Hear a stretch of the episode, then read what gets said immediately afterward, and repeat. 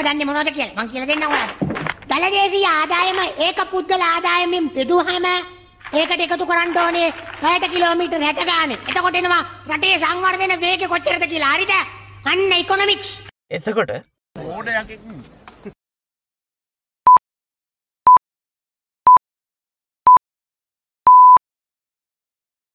ආයිබවන් අද දෙදස් විසි දෙකේ පෙබරවාර විසි අටවැනිද රට කරන හැරි පොඩ්කාස්ට් එකේ අසූ පස්සනි කොටසත එකතුන හැමෝම වෙනද වගේම අදත් ආදරෙන් පිළිගන්නවා. ඒ වගේම තමයි පොඩ්කාස්ට් එකේ අස්සු හතරනි කොටසත එකතුනු අපිත් එක අදහස් බෙදාගත් හැමෝටමත් ගොඩක් ස්තුතියි කියලා කියන්න ඕන්. අද පොඩ්කාස්ට් එකෙන් අපි කතා කරන්න හිතුවේ හතලිස් තුන්වෙනි සේනාකය ගැන. පාටලි චම්පි කරණවක් කියල කියන්නේ ලංකාවේ දේශපාලනයේ තීරණාත්මක චරිතයක් වැදගත් සන්ධිස්ථානවල මේ මෑති ඉතිහාස ඉඳපු කෙනෙ. ඉතින් මෙයා ජනවාරි දාහත්ව නිදා හතලිස් තුන්ගනි සේනාංකය කියල ව්‍යාපාරයක් ආරම්භ කරනවා එක ලෝංච් කරනවා ඒ හන්දා අපි හිතු අද පාටලි චම්පික් ගැන සහ එයාගේ මේ ව්‍යාපාරය ගැන පොඩ්ඩක් කතා කරන්න ඕනි කියලා. ඉතින් වෙනදට අපි මේ ටොපික්කයක් ගැන කතා කරනකොට ඒ ගැන තොරතුරු හොයනවා නමුත් අද අපි කතා කරන්න හෙම තොරතුරු මත පදනම් වුණ මාතෘකාවක් වෙනුවට එකක් මේ සිද්ධිය ගැන මේ ව්‍යාපාරය ගැන අපිට හිතෙන දේ ඉතිං සමහරක් විවේචන මෙතන කියන දේවල් අසාධාරණයි කියලා කෙනෙක්ට හිතෙන්ඩත් පුළුවන් විශේෂෙන්ම දැන් අපි කියන දේට විරුද්ධ මතයක් ඉදිරිපත් කරන්න කෙනෙක් මෙතන නැති හන්ද. ඒ හන්දා පුළුවන් තරං මධ්‍යස්ථව ඉඳගෙන මේ ටොපික් එක ආමන්ත්‍රණය කරන්න අපි උත්සාහ කරනවා. ඉතිං හෙමනං අපි මුලින්ම බලමු මොකක්ද මේ හතලිස් තුන්වැනි සේනාංකය කියන්න කියලා. මේ ව්‍යාපාරය ලෝංච් කරේ එකොල්ලන්ගේ ඔය උත්සවේ තිබුණේ ජනවාරි දාහත්ව නිද වනාට මේක ගැන කතාබහ මෙහෙම ව්‍යාපාරයක් තියෙනවයි කියල මතයක් සමාජ ඇතුළේ මීට අවුරුදු දෙකට එක හමාරකට කලින් විතර ඉඳලම සමරගෙඩට කලින් ඉඳලම කතා බහක් තිබුණා. සහ මේක මේ හතලෙස්තුවනි සේනාංකය කියන එක පාටලීගේ ව්‍යාපාරයක් කියන කතාව ඒ දැනුම ගොඩ දෙනෙක් දැනගෙනත් හිටිය. හෙමනං කොහොමද මේ හතලිස් තුන්ගනි සේනාංකය කියන නම හැදෙන්නේ. මේක ගැන පොඩ්ඩක් හොයනකොට අපි දැනගත්ත දේ තමයි එක්දස් නවසි හතලිස්තුනේ CW කන්නංගරගේ නිදහස් අධ්‍යාපන ප්‍රතිපත්තියෙන් අධ්‍යාපනය ලබපු ඒකෙන් ප්‍රතිලාබ ලබපු මිනිස්සුන්ගේ බලවේගයක් කියන අදහසින් තමයි මේ හතලිස් තුනේ සේනාංකය කියන නම හැදිල තියෙන්නේ. මේ නිදහස් අධ්‍යාපනය ලංකාවට හඳුන්ව දෙන්න කලින් අධ්‍යාපනය කියන එක ඉංග්‍රීසි භාෂාව ගොඩක් කලාට සීමා වෙන්නේ ලංකාවේ දනුවත් පිරිසකට විතරයි. ඒ හන්දා ආර්ථිකය පැත්තෙන් තකොට සමාජය පිළිගැනීම පැත්තෙන් ගොඩක් වැදගත් තැන්වලට යන්ඩ දුප්පත් මිනිස්සුන්ට මේ ගමේ මිනිස්සුන්ට ටික කමාරුවෙනවා. නමුත් නිදහස් අධ්‍යාපන ඇත් එක්ක ලංකාවේ මේ මධ්‍ය මහා විද්‍යාල කියල දේවල් ඇති ඇතිවෙනවා ජාතික පාසල් වලටම යන්ඩ බැරිවෙන කට්ටියටත් නිදහස් අධ්‍යාපනය හරහා අදටත් විශ්වවිද්‍යාලයන්ට අවස්ථාව තියෙනවා එහෙම නැත්තං ඒකට සමාන වෙන ෘතිය සුසුකමක් ගණ්ඩ අවස්ථාව තියෙනවා. අද වෙනකොට ඕනෙම පාසලකින් මේ නිදහස් අධ්‍යාපනය හරහා පෞද්ගලික විශ්වවිද්‍යාලවලටත් යන්න පුළුවන්ගෙන එතකොට ඩබල්ලට වගේ වෙනත් ෘතිය සුසුකම් වලට යන්නත් පුළුවන්ගෙන තිං ඒ විදිහට මේ නිදහස් අධ්‍යාපනය හරහා අසූ ගණන්වල උඩටාපු ඒක ප්‍රතිලාබ ලබපු රාජ්‍යංශයේ පෞද්ගලිකංශයේ ඉහළ තැන්වල රැකියාවල් කරන අයගේ බලවේගයක් හැටියට තමයි මේක හඳුන්වා දෙන්නේ. අපිට හිතෙනවා මෙතන ප්‍රධාන ඉලක්කය වෙන්නේ ඒගොළඟ ප්‍රධාන ඕඩියන්ස එක වෙන්නේ ගමේ ඉනම් කොළඹටාපු මිනිස්සු කියලා. තකොට ඉංජිනේරුවෝ නීතිඥය වෛද්‍යවරු සේවාංශ වැඩ කරන කට්ටිය කවුන්ටන්ට්ලාගේ වයිට් කොල මිනිස්සු තමයි මේ ව්‍යාපාරය හරහා ආමන්ත්‍රණය කරන්න හදන්නේ. එතකොට මේක අරමුණ වෙන්නේ පාටලී චම්පිකව ජනාධිපති කරන එක. ඒක කොලේලි පහක් ආර්ථික දැක්ම ඉන්න හිතෙන රටක් ඉලක්කමක් නෝ පරම්පරාවක් වගේ වචන දාලා ස්ලෝගන් දාලා ලස්සන කරන්න හැදුවට ඒකේ අවසාන අරමුණ ඒගොල්ලන්ගේ ඉලක්කය වෙන්නේ පාටලිව රටේ නායකය කරන එක කියලා අපිට හිතෙනවා. පොඩ්ඩකට අපි හිතම හෙම තනි මනුස්සෙක්ක ජනාධිපති කරවලා රට හදන්න පුළුවන් කියලා.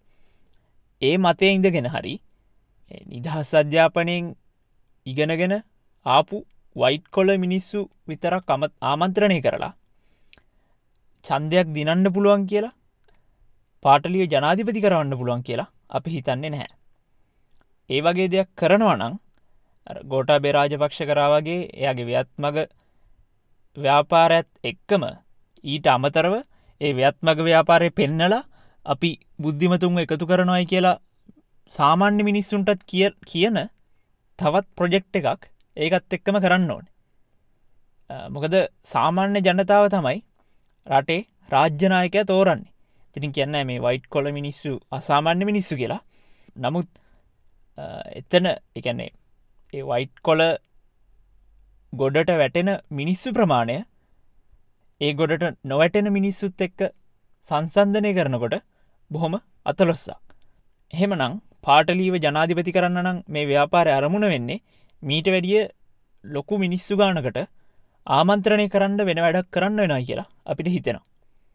ඊළඟට අපි කිව්වා මේ පොඩ්ඩක් මොහොතකට තනි මනුස්සෙක්ක ජනාධිපති කරලා රටේ රාජ්‍යනායකය කරවලා රට හදන්න පුළුවන් කියලා උපකල්පනය කරමු කියන කාරණ. නමුත් එතැන් තියෙන ප්‍රශ්න තමයි ඇත්තටම තනි මනුස්සෙක්ට ජනාධිපති වෙලා රටේ රාජ්‍යනායකය වෙලා රට හදන්න පුළුවන්ද. අපිට ජR ප්‍රේමදාස චන්ද්‍රිකා මහින්ද මෛත්‍රී ගෝටාබය මේ වගේ ලොකු බලතල තියෙන තනි පුද්ගලයෝ නායකය හැටියට ඉඳල තියෙනවා.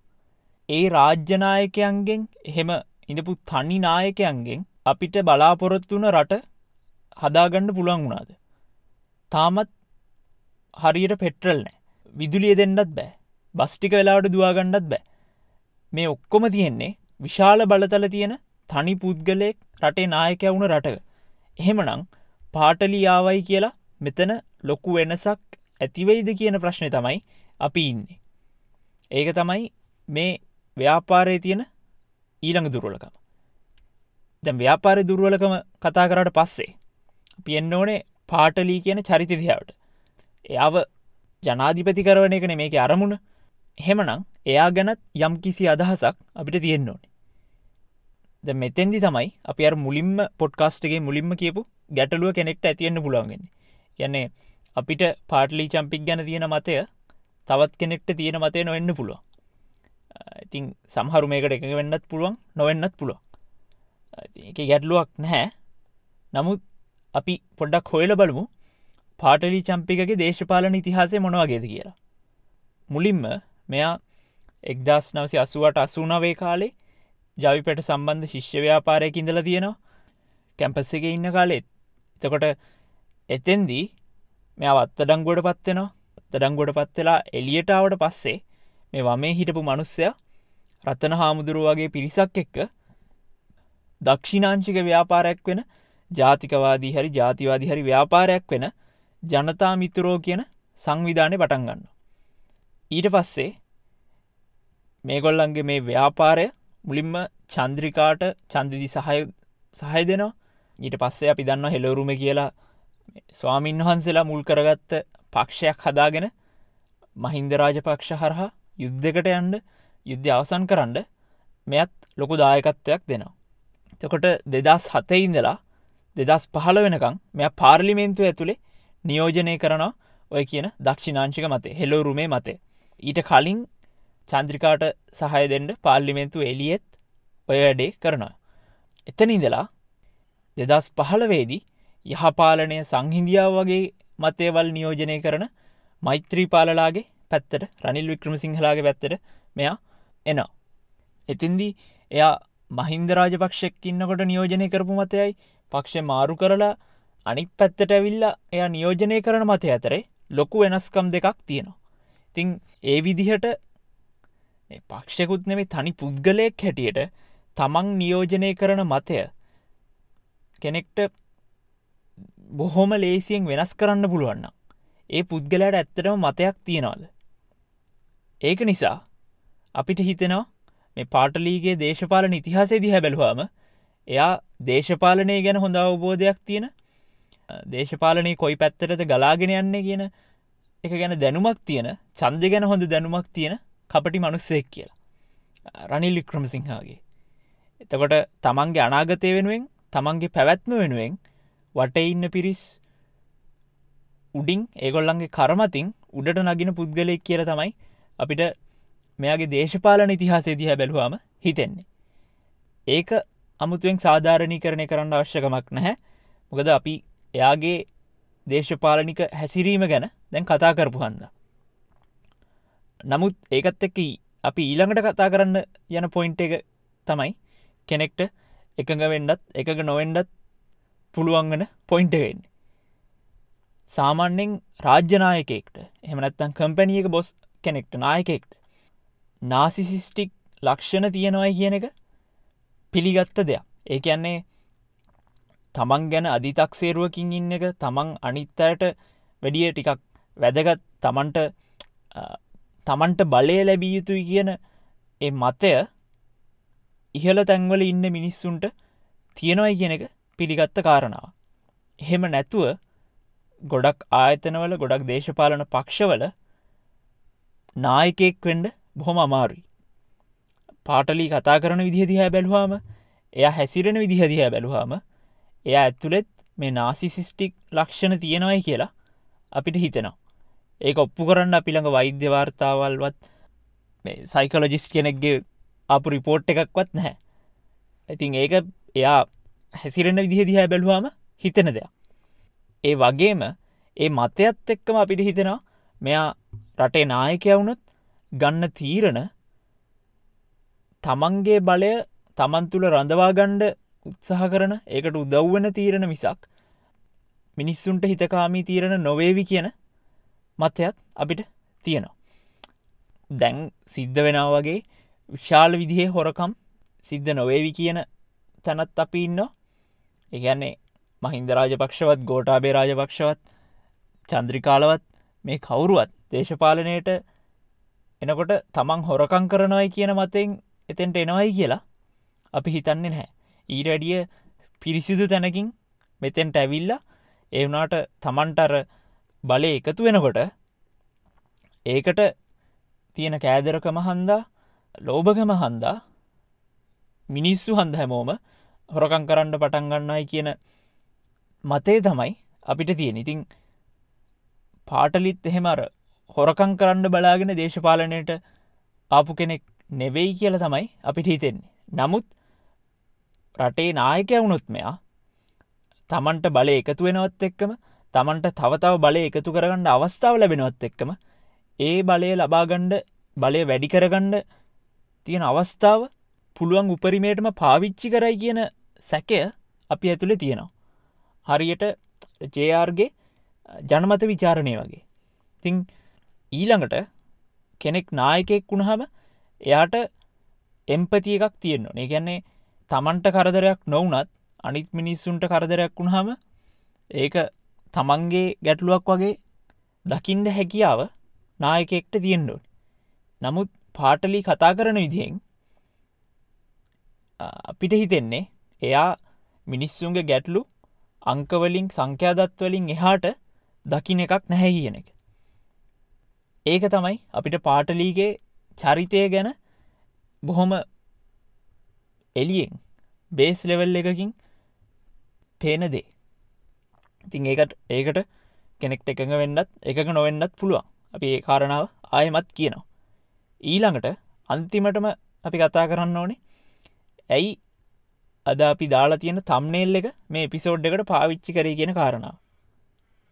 කොහොමුණත් මේ පින්තූරෙ තියෙන්නේ නැපෝලියන් බොනපාට්ගේ හමුදාවේ ඒ මොකක් හරි සටනක් මුල් කරගෙන ඇඳපු චිත්‍රය. ඒක පාවිච්චි කරපු හේතුව තමයි දැන් අපි මේ කියන්න යන්නේ. එක්දා සත්‍ය අසූනවේ වෙනකොට ප්‍රංශ ඇතුළේ ඒ තිබුණු සමාජ ක්‍රමයට විරුද්ධව ලොකූ ජනමතයක් ඇතිවෙනවා එකොට මධ්‍යම් පාන්තික මිනිස්සු දුප්පත් මිනිස්සු තව තව දුප්පත් වෙනකොට ඒගොල්ලෝ ආර්ථිකතින් සමාජමැතින් කරදරවලට ලක්වෙනකොට ඒ රටේ පල්ලිය එරටේ රාජ්‍ය නායකයෝ තීරණ ගන්න ඉහළ පැලැන්තිී මිනිස්සු බොහොම සැප පහසු ජීවිත ගෙවනවා.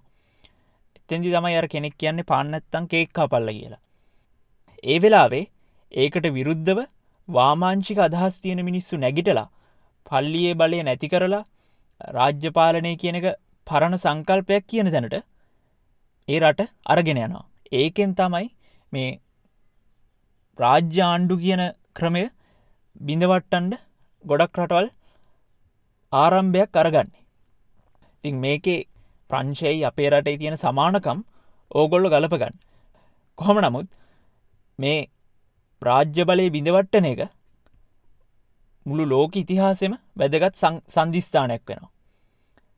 නමුත් බලය පිහිටවා ගත්තර පස්සේ මේ වාමාංශික කඳවුර ඇතුළේ බොහොම ඉක්මට ගැටලු ඇතිවෙනවා කොහොමද රටක් පාලනය වී යුත්තේ වගේ කාරණාවල් ගැන කොමත් සිද්ධ වෙන දේනිතින් වාමාංචික කඳුරු ඇතුළේ මේ විරසකවී මුල් කරගෙන විප්ලවයට විරුද්ධයි කියන මිනිස්සු විශාල ප්‍රමාණයක් ප්‍රංච විප්ලවේදී ඝාතනය වෙනවා. මේක ඉවර වෙන්නේ ප්‍රංච හමුදාවේ නායකෙක් වෙන නැපෝලියන් බොනපාට්ව ආයමත් ප්‍රංච රාජ්‍යයේ අධිරාජ්‍යයා කරලා. එතකොට විප්ලවේ පටන්ගන්නකොට ඒක අරමුණ වනේ රාජාණ්ඩුව බිඳවට්ටන එක. රජෙක් නැති රටක්.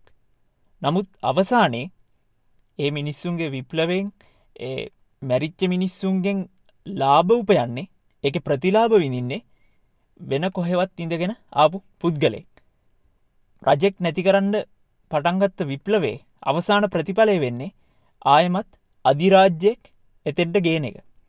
තිං අපිට හිතෙනවා දෙදස් පහළවෙඉඳලා රටේ විවිධ අවස්ථාවල ඇතිවුණු ඇතිවෙමින් තියෙන එ අස්ථාවර බව දිහා පාටිලි චම්පික දකින්නෙත් නැපෝලියන් බොන පාට් දකින විදිහටමයි කිය ඒ ඒකඉතින් සියට සියක් හෙම කියන්නත් බැහැ ගද අපිට මනස කියවන්න බැරිහන්ද නමුත් සමාජයේ මිනිස්සු ඇතුළේ රජය අප්‍රසාදයට ලක්වෙනකොට පාලනය කරපු මිනිස්සු අප්‍රසාදයට ලක්වෙනකොට ඒ මිනිස් වෙනුවෙන් කිසිවක් කතා නොකරඉඳලා නැපෝලියන් බොනපාට් බලයල්ල ගත්ත වගේ පාටලී චම්පිකගේ හතලිස්තුන්වනි සේනාංකයත් ඇවිල්ලා රටේ බලයල්ල ගණ්ඩද සූදානම් වෙන්න කියන ප්‍රශ්නය අපි ඇතුළේ තියෙනවා.